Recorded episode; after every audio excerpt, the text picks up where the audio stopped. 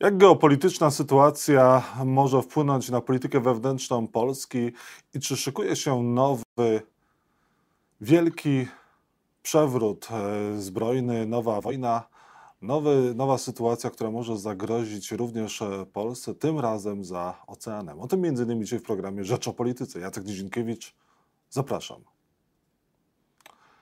Prezydent Aleksander Kwaśniewski jest Państwa i moim gościem. Dzień dobry, Panie Prezydencie. Dzień dobry, witam serdecznie. E, może dojść do agresji między Chinami a Stanami Zjednoczonymi? Może, niestety może. To jest y, bardzo realny scenariusz. Y, wydaje się, że no, Chińczycy są dość pragmatyczni, to znaczy powinni patrzeć, jak, jakie sankcje dotknęły Rosję po inwazji na Ukrainę i być może to będzie ich trochę ostudzać. Natomiast generalnie w doktrynie chińskiej, w doktrynie prezydenta Chin jest wyraźnie, żeby e, Tajwan dołączyć do, do Chin. Oni nie uznają Tajwanu, oni uznają to za część wielkich i to ryzyko w związku z tym jest duże. No właśnie, pytanie, czy Stany Zjednoczone e, będą teraz e, studziły ten e, konflikt, czy też ta wizyta Nancy Pelosi była jednak czymś zupełnie niepotrzebnym i irracjonalnym? W którą stronę to idzie, panie prezydencie? Tak, ja uważam, że ona nie była potrzebna, ponieważ Nancy Pelosi nie odgrywa jakiejś roli w działaniach wykonawczych władz amerykańskich. Oczywiście ona miała pewne znaczenie symboliczne, potwierdzenie poparcia amerykańskiego dla Tajwanu, ale w tym momencie, kiedy jest już i tak wystarczająco dużo zagrożeń na świecie, no, ja uważam, że, że nie, nie była to wizyta konieczna. Natomiast na pewno e, wyniknęła z tego, że wcześniej coś poustalano, że być może w planie wizyt to było już powiedziane wiele miesięcy temu, może nawet przed wojną e, Rosji przeciwko Ukrainie. Y, no i Amerykanie nie chcieli się wycofać, żeby no nie pokazywać, że ulegają y, chińskim naciskom. Ale w moim przekonaniu, gdybym ja był doradcą prezydenta amerykańskiego, to raczej bym dzisiaj wyraźnie dążył do tego, żeby te napięcia wokół Tajwanu zmniejszyć. Y, dlatego, że no, walka na dwóch frontach jest po prostu bardzo ryzykowna. I to wszyscy wiedzą, to historia pokazała, że każdy, który usiłuje być mocny i tu i tu, zazwyczaj przegrywa i, i tu i tam, więc y, mając dzisiaj ten otwarty front konfrontacji z Rosją Putina, moim zdaniem trzeba byłoby jednak szukać jakichś rozwiązań, które zmniejszą y, napięcie y, chińsko-amerykańskie, choć wiem, że to jest, bo Chińczycy no, korzystają z tej sytuacji. Dla nich oczywiście to, że Amerykanie są tak bardzo zaangażowani na Ukrainie, no też stwarza okazję, żeby właśnie coś więcej uzyskać, coś więcej ugrać. Mhm. No, pamiętamy, że na początku agresji Rosji na y, Ukrainę Chiny nie do końca było wiadomo, jak się zachowają. Chyba badały y, grunt. E, pytanie, czy Chiny stać na jakąś agresję, na to, żeby pójść krok dalej, na to, żeby postąpić podobnie jak Putin. Stać na pewno, dlatego że to jest w tej chwili y, bogaty kraj dysponujący ogromnymi możliwościami, także militarnymi. Natomiast y, y, myślę, że Tajwan sam, a przy pomocy amerykańskiej, a jest ona tam ogromna, przecież tam są bazy amerykańskie i tak dalej, no to to nie jest taki łatwy kawałek. To, to, to nie jest tak, że tam też nie będzie blitzkriegu, to co się marzyło Putinowi w Ukrainie. Więc y, y, Chińczycy pewno to wiedzą, że uwikłanie się w walkę o Tajwan to jest nie dość, że trudna militarnie operacja. Pamiętajmy, że mówimy o wyspie. To, to nie jest tak, że można łatwo te y, wojska tam przenieść. Obrona rakietowa, obrona przeciwlotnicza, obrona morska Tajwanu jest bardzo zorganizowana, jest dobrze wyposażona, więc to jest konflikt militarny bardzo poważny. No, natomiast pytanie znowu brzmi, co siedzi w głowie mm, y, Xi Jinpinga, co, co, co on sobie kombinuje, jak chce zapisać się w historii. A to, że chce, to wiemy, bo przecież po wielu latach rotacyjnego przywództwa chińskiego on zmienił to. On może być tym liderem Chin dożywotnio. I w moim przekonaniu tutaj jest klucz do sprawy. Co, co, jak wiele chce zaryzykować. Pamiętajmy, że w Chinach jednak to kierownictwo przy silnej roli przewodniczącego jednak jest bardziej kolektywne. No, on tam ma biuro polityczne, które być może jakąś rolę odgrywa, być może w takiej wymiarów między tymi najważniejszymi ludźmi w Chinach, takie wątki właśnie niepodejmowania niepotrzebnego ryzyka będą, będą miały miejsce, bo jest jasne, że rozpoczęcie wojny o Tajwan oznacza no, de facto zburzenie tego świata, który, który znamy, nie nawet w sensie fizycznym, ale więzi gospodarczych, relacji handlowych, no by na pewno koniec globalizacji, na, którym, na której Chiny bardzo korzystały. No, to, to, to nazywać trzecią wojną światową, ale to na pewno byłby koniec tego ładu światowego, który znamy. Panie prezydencie, a jak tego typu napięcie między Chinami a Stanami Zjednoczonymi może wpłynąć na Polskę? No wie pan, jak na cały świat, no my tu będziemy w jednym worku, bo to jeżeli nie, po pierwsze to będzie miało wielkie znaczenie dla tego, co dla nas dzisiaj z punktu widzenia bezpieczeństwa jest najważniejsze, czyli zaangażowania amerykańskiego w Ukrainie. Bo wiemy dobrze, że bez poparcia amerykańskiego i politycznego, a wszystkim militarnego, czyli dostarczania nowoczesnej broni, Ukraińcy sobie nie dadzą rady. Oni walczą wspaniale, oni no, nawet odnoszą pewne sukcesy, przesuwając się terytorialnie, odbierając tereny okupowane. Tego nie jest dużo, no ale to ma miejsce. No, w każdym razie tej wojny nie przegrywają e, militarnie, e, no ale dzięki pomocy, przede wszystkim pomocy amerykańskiej. Pierwsza konsekwencja mogła być taka, że zainteresowanie Amerykanów, na szczęście, przepraszam, zrobię taką dygresję, ale na szczęście mówię póki co o sytuacji możliwej, ale jednak która się nie dokonała, no więc to jest taka rozmowa trochę na zaś. E, no ale zaangażowanie Prezydencie, no ale Tajwan już rozmieścił system obrony antyrakietowej. No musi, no to ale to jest jego obowiązek. To jest, oni uważają siebie za państwo, Chińczycy ich nie uważają, ale oni uważają siebie za państwo niepodległe i musi zrobić wszystko, co w ich swoje bezpieczeństwo wzmocnić. Tu nikt nie może mieć do nich pretensji. Chińczycy również. W każdym razie Pan pytał o konsekwencje dla Polski. Pierwsza to jest y, mniejsze zaangażowanie amerykańskie w Ukrainie, co może oznaczać jednak no, Rosjan zdobycia przynajmniej części Ukrainy. I to jest zła wiadomość. Druga wiadomość, konflikt amerykańsko-chiński oznacza no, całkowite zburzenie tych relacji gospodarczych, które miały miejsce. COVID już nam pokazał, co to znaczy rozbicie tych łańcuchów dostaw.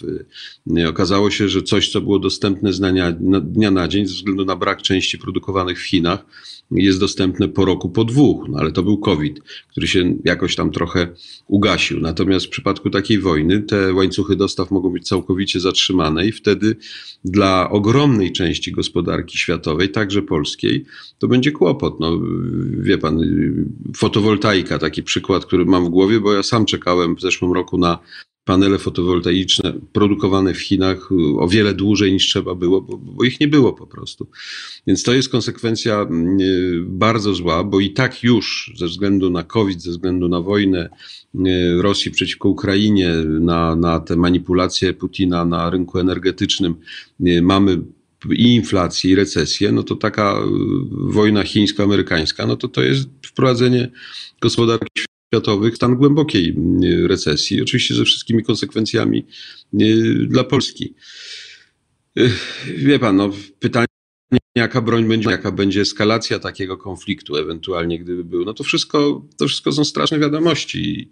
Aż nie chcę się o tym myśleć, no ale analitycy i ci, którzy zajmują się decyzjami wojskowymi czy politycznymi, muszą to poważnie brać pod uwagę. Panie prezydencie, jesteśmy bliżej czy dalej porozumienia między Ukrainą a Rosją? E, czego możemy się spodziewać w najbliższym Moim zdaniem jesteśmy w punkcie takim samym jak, jak miesiąc temu czy, czy dwa. E, dlatego, że e, ta wojna, znaczy scenariusz Putina się nie spełni. Nie udało się pokonać Zełenskiego w ciągu kilku dni, nie udało się zabić Zełenskiego w ciągu kilku dni. Więc w tej chwili mamy wojnę, gdzie Rosjanie e, walczą, w niektórych miejscach przesuwają się naprzód, ale bardzo wolno. I co jest ważne, że przy pomocy broni zachodniej, a jednocześnie przy bardzo wysokiej determinacji Ukraińców i umiejętności walki, to trzeba oddać. Oni mają naprawdę zdolnych dowódców i oddanych żołnierzy. Oni w niektórych miejscach się przesuwają, ale to są wszystko ruchy takie, które w gruncie rzeczy na pewno do zimy nie pozwalają wierzyć, że dos będzie dokonany jakikolwiek przełom. A, a dlaczego zima może być jakimś uspokojeniem, przynajmniej chwilowym? No raz, bo zima, warunki mm, atmosferyczne, ale dwa, że oba, obie strony będą na tyle już wyczerpane w sensie ludzkim, że trzeba będzie dokonywać zmian. No, trzeba będzie podmienić tych ludzi na frontach, bo to będzie trwało za długo. Co nie oznacza żadnego zakończenia wojny, to może oznaczać tylko trochę uciszenie tego konfliktu.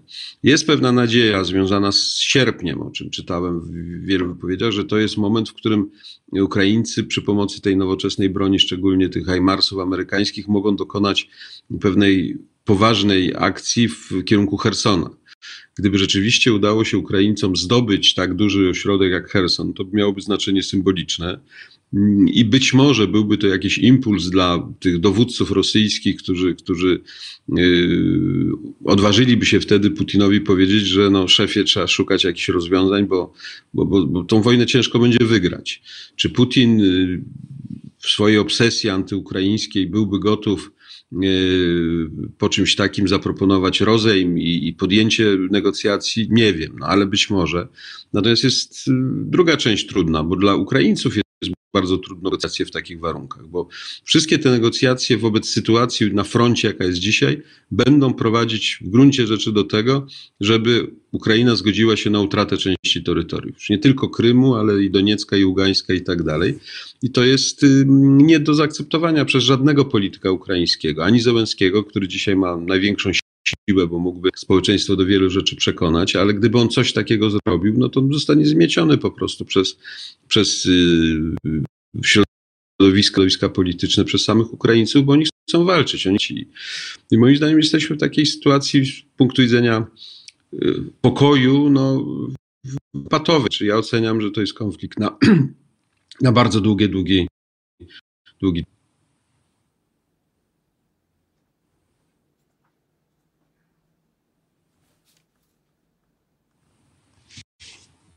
Halo, czy słyszymy się, czy widzimy, panie prezydencie? No ja pana słyszę, tylko pan nic nie mówi. A, no bo właśnie tutaj doszło chyba do małego zawieszenia połączenia. Panie prezydencie, a proszę powiedzieć, pan powiedział, że to jest konflikt na długie miesiące, czy na długie lata? Na wiele lat. Mhm. No ale nie ma e, nacisku ze strony Zachodu, który obawia się, że ta zima będzie bardzo zimna e, dla, dla, dla mieszkańców poszczególnych krajów, e, no, co może również przełożyć się na wyniki wyborcze w wielu państwach.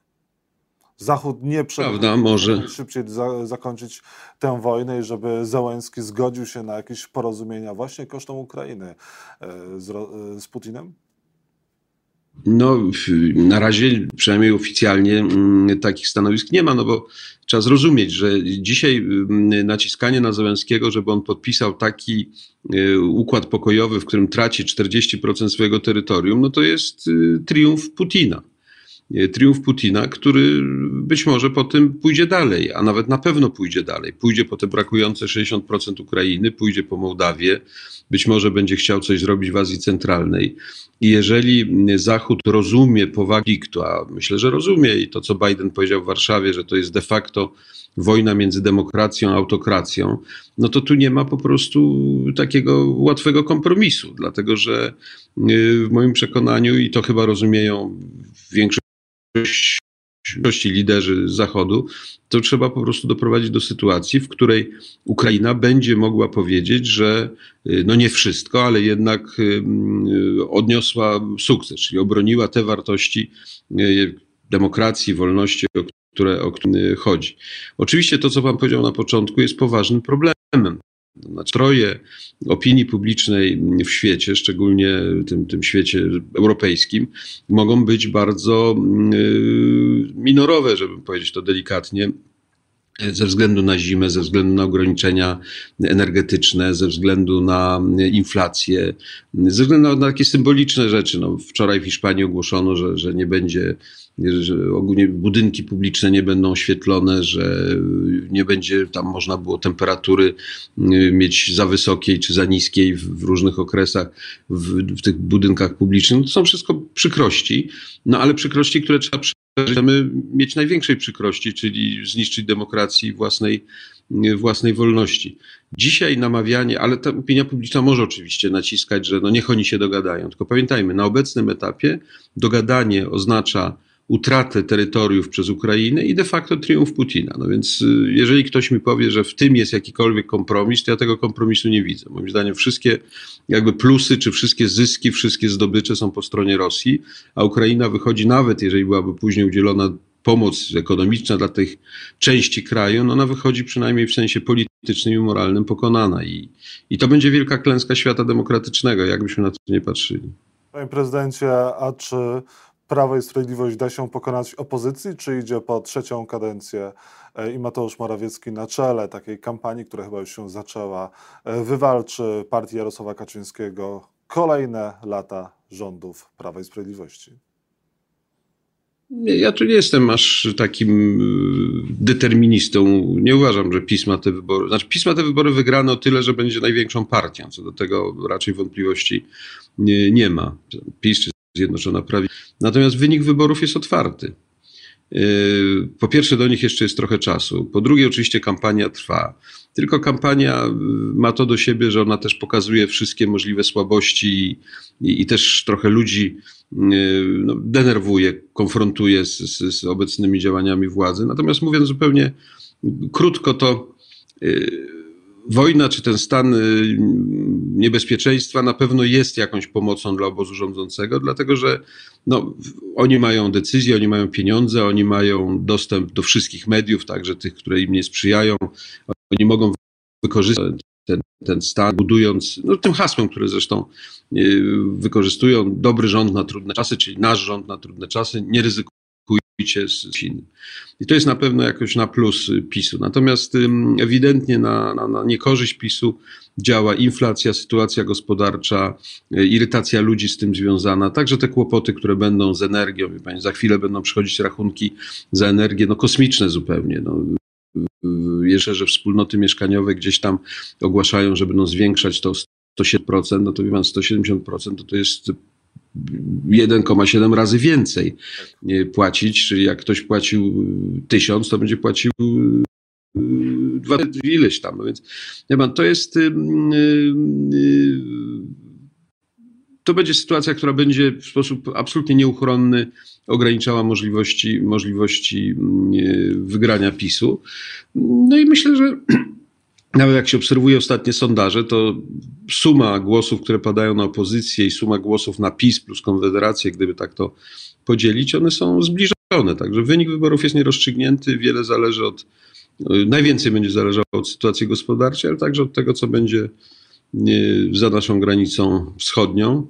No i oczywiście od aktywności polityków, od błędów, które popełnią, od jakiejś afery, która się zdarzy i która może w ostatniej chwili przesądzić wynik na, na jedną czy drugą korzyść, ale nie, wyniki są otwarte i mobilizacja społeczeństwa ma ogromne znaczenie. No jak widać, te chyba e, objazdy Jarosława Kaczyńskiego po Polsce nie służą Prawu i Sprawiedliwości. Pytanie też, czy jeszcze przysłuży się sprawa z KPO. Pieniądze miały wpłynąć e, do Polski. Przedstawiciele rządu Mateusza Morawieckiego zapowiadali, że te środki już e, za chwilkę będą, a wciąż ich nie ma. No i to się nie przysłuży jedno i drugie, wie pan. Myślę, że kampania Kaczyńskiego jest oparta o błędną, znaczy częściowo o to, że on chce umacniać swój żelazny elektorat no ale błąd polega na tym, że on tego elektoratu nie rozszerza, jednocześnie popełniając jakąś gafę, czy, czy, czy mówiąc głupstwo, a to mu się zdarza coraz częściej, no daje niezwykle dużo materiału dla, dla przeciwników do wykorzystania i także do zniechęcenia tych takich niezdecydowanych wyborców. Więc stąd myślę, oni przerwali tę kampanię, bo uznali, że zysk pewno do tej późniejszej czy tej jesiennej wersji przystąpią lepiej przygotowani, może z, z bardziej, mniej pogadankami prezesa, a bardziej takimi punktowymi wypowiedziami, o co chodzi, co zrobimy w tej sprawie, co zrobimy w tej sprawie i tak dalej, żeby to wyglądało poważnie. Bo mm, wie pan, no, uwaga po części słuszna, że, że nasze dzieci za dużo czasu spędzają ze smartfonem, no ale że będziemy coś z tym robić, no to wie pan, to wzbudza uśmiech, no bo co tu można zrobić? Jest próba zawracania kijem Wisły, no więc yy, to jest jedno. Gdy chodzi o KPO, to jest poważny zarzut, no bo przy kolosalnych wydatkach, przy deficycie budżetowym, ze względu na spór wewnątrz rządu, nieskorzystanie z ogromnych środków, które mogą być yy, użyte, no to to jest błąd, który będzie, będzie na pewno jednym z głównych leitmotywów yy, kampanii. Więc yy, wie pan, po ośmiu latach rządzenia nigdzie na świecie żadna partia nie ma lekko a w polskich warunkach PiS będzie miał ciężko po prostu i, i, myślę, że muszą, muszą zdawać sobie z tego sprawę. Na ile opozycja to wykorzysta, na ile przedstawi interesujące programy, yy, no to też jest pytanie, ale ja wierzę, że tak, bo tam wiem, że praca trwa, że, że, że eksperci są, że, że do wielu tematów podchodzi się w sposób kompetentny. I to jest bardzo ważne, żebyśmy zobaczyli właśnie odpowiedzi na pytania, bo wie pan, walczyć z inflacją to jest świetne hasło i to powie i, i PiS i opozycja. Jak walczyć z inflacją? Jakimi metodami? Jakimi środkami? Trzeba mieć do tego i to takich, którzy pokażą twarze, którzy będą jakby godni dla opinii publicznej, że oni wiedzą, co, co, co, co w tym robić. Bo krzyknąć, leczyć człowieka to jest słuszne, ale później trzeba mieć tego, który powie, że on wie, jak to zrobić, że on, że on wie, że tu, tu trzeba coś uciąć, a tu trzeba coś poprawić, a tu trzeba dać jakiś zastrzyk i tak dalej. I, I dopóki nie wejdziemy na ten etap takiej, mówię niezbyt szczegółowej, ale takiej wiarygodnej rozmowy, no to to będzie bleblanie, a, ale ono oczywiście PiSowi też nie pomoże. I na koniec, panie prezydencie, a twórcy filmu e, Gierek wiedzieli, jak e, przygotować rzetelną i, i, i dobrą e, biografię pierwszego sekretarza? Ja już powiedziałem o tym filmie, uważam, że, bardzo zły film. Ja rozumiem, że chęci, bo ja nie mam nic przeciwko temu, że jakiś reżyser chce w dobrym świetle pokazać Edwarda Gierka, do którego mam dużo sentymentu zresztą też, bo to jest moja młodość. Natomiast ten film jest tak daleki od realiów historycznych, a poza tym no tam wszystko jest złe. No, wie pan, Gierek przede wszystkim to nie był intelektual, to był człowiek, który polskiej polityce nadał pewną elegancję, taką trochę paryską, bo on przecież lata przeżył e, we Francji. Jak oglądałem Koterskiego w tej roli, to on w niczym nie przypominał tego, znaczy przypominał trochę, został podobniony do Gierka, ale w tym nie było żadnej elegancji, w tym było takie polskie knajactwo. No i, i, i to są moje zarzuty do tego filmu. Inne postaci, które się tam pojawiają. Proszewicz, nie, no, no, są pokazani jak tacy no, durnia, a, a to nie, można się z nimi nie zgadzać nawet, trzeba się z nimi było nie zgadzać wielokrotnie, ale to, to nie byli ludzie pozbawieni inteligencji, pozbawieni pewnej i doświadczenia, i umiejętności. No więc y, jako pastisz mogę ten film uznać też za zły, ale pastisz, natomiast na pewno nie jest to żadna rzetelna biografia kolwiek, a, ale także to nie jest obraz tamtych czasów, to jest raczej taka E, taki żarcik z tamtych, e, słaby żart z tamtych czasów, czyli z lat 70. Ale Polakom ten film się podobał na Netflixie, był oglądany, nie tylko w Polsce był bardzo popularny, ale również e, na świecie bronią się producenci. Wie pan, to nie jest pierwszy słaby film, który, który był oglądany, zresztą najlepiej, że ja też go obejrzałem, no więc wie pan, to dołączam się do tego grona, natomiast pytanie z jakim wrażeniem ludzie wychodzili z sali czy, czy, czy z Netflixa i zamykali ten, ten przekaz Netflixa, no bo mówię, moje wrażenie było, ja, ja, ja, ja to widziałem. Początek lat 70. to jest końcówka mojej szkoły średniej. W 73 zacząłem studia, więc y, pod koniec lat 70. nawet parę razy uczestniczyłem w różnych wydarzeniach, w których Gierek, Jaroszewicz, inni ludzie y, brali udział, więc y, wie pan, no, nie mamy czasu, ale, ale wskazałbym panu tyle nieprawd historycznych dotyczących i wielkich rzeczy, i drobiazgów, że, że chyba szkoda gadać. To tylko na koniec. Tak? Im dłużej będziemy mówić o tym filmie, tym bardziej będziemy robić reklamę, więc y, to też. Uważa, że nie warto robić temu filmowi reklamy. Film jest, film istnieje, kto chce niech ogląda, żyjemy w wolnym kraju. Ja jestem zdania, wie pan, na Netflixie obejrzałem naprawdę kilka arcydzieł, ale też obejrzałem kilka filmów, które oceniam jako bardzo mizerne, więc y, Netflix to nie jest żadna też pieczątka jakości. No. No tak, e, tylko na koniec e, Rafał Woś, e, swego czasu lewicowy publicysta, skrytykował pana za te słowa, mówiąc, że przedstawiając w Gierku jak było i na czym to wszystko polegało, delegitymizujemy tę całą opowieść postkomunistycznej lewicy, dlatego wcale mnie nie dziwi, że Kwaśniewskiemu ten film się nie spodobał. Właściwie to dziwiłbym się, gdyby, gdyby go pochwalił. Tak, Rafał Woś wypowiedział się na temat... Ale Rafał Woś, tego co wie, był albo nie wiem, konsultantem, albo współscenarzystą, tego filmu. Tak. No to wie pan, czego tu się spodziewać od, od współscenarzysty. No to przecież ja nie, nie, nie być może oni w rozmowach wewnętrznych tam wyrażają swoje niezadowolenie, że, że to nie zostało zrobione tak, jak trzeba. No bo ten film też nie, nie, nie spełnia żadnych wymogów takiego wysokiego profesjonalizmu, ale Jego zdanie, ja, ja, nie, nie, mówię o poce, bo ta narracja, którą jak rozumiem podpowiedział Woś, że klęska dobrego Gierka polegała na tych kredytach, które zostały mu wręcz siłą włożone w ręce, no może też tak nie było, no ale, ale przyjmuję różne punkty widzenia. Rafała Wosia punkt widzenia też, też mogę, mogę dyskutować, ale ja bardziej mówię tu o formie artystycznej tego przekazu historii, który, który e, miał miejsce. No więc y, zostawmy tak, że współscenarzysta ma prawo być zadowolony, a ja jako widz mam prawo być niezadowolony z tego filmu. I tyle, a każdy ma prawo do swojego zdania. No i na koniec, e, a sam e, Mateusz Morawiecki nie staje się takim nowym gierkiem, zadłużając Polskę, też biorąc te wszystkie kolejne programy socjalne, E, przed e, wyborami i dając Polakom kolejne pieniądze, co też napędza inflację. Wie pan, z tym może być gorzej, bo jednak co by nie mówić o Gierku, to większość tych funduszy mm, inwestycyjnych, tych kredytów szła na inwestycje bo jednak Zagierka wybudowano i Hutę Katowice, i fabrykę w Bielsku Białej, Tychach, y, małego Fiata i tak dalej. Budowano dużo mieszkań, więc y, oczywiście problem polegał na tym, że nie było czym spłacać, bo siła polskiej gospodarki, polskiego eksportu była niewielka i, i tych dolarów nie było jak uzyskać. Na szczęście Morawieckiej sytuacji, ponieważ siła polskiej gospodarki jest duża, my bardzo dużo eksportujemy, przedsiębiorstwa płacą podatki, więc te pieniądze są. Natomiast y, jeżeli to rozdawnictwo socjalne doprowadzi rzeczywiście do tak dużego deficytu, że y, równowaga finansowa Polski będzie zagrożona, no to Morawiecki może się gorzej zapisać w sensie brania kredytów czy, czy prowadzenia polityki gospodarczej państwa od, od Gierka, bo co jest słabo y, istotną tego okresu pisowskiego, to jest to, że jest bardzo niski poziom inwestycji. Zarówno tych wewnętrznych polskich, jak i zagranicznych. I, i, i jak mówię, za chwilę ten, ten, to paliwo, którym żyje polska gospodarka, może się zakończyć i tu będzie wielki kłopot. Prezydent Aleksander Kwaśniewski był Państwa moim gościem. Bardzo dziękuję Panie Prezydencie. No i udanej reszty. Dziękuję, życzę dobrego dnia. Dobrego. Dziękuję, dobrego dnia.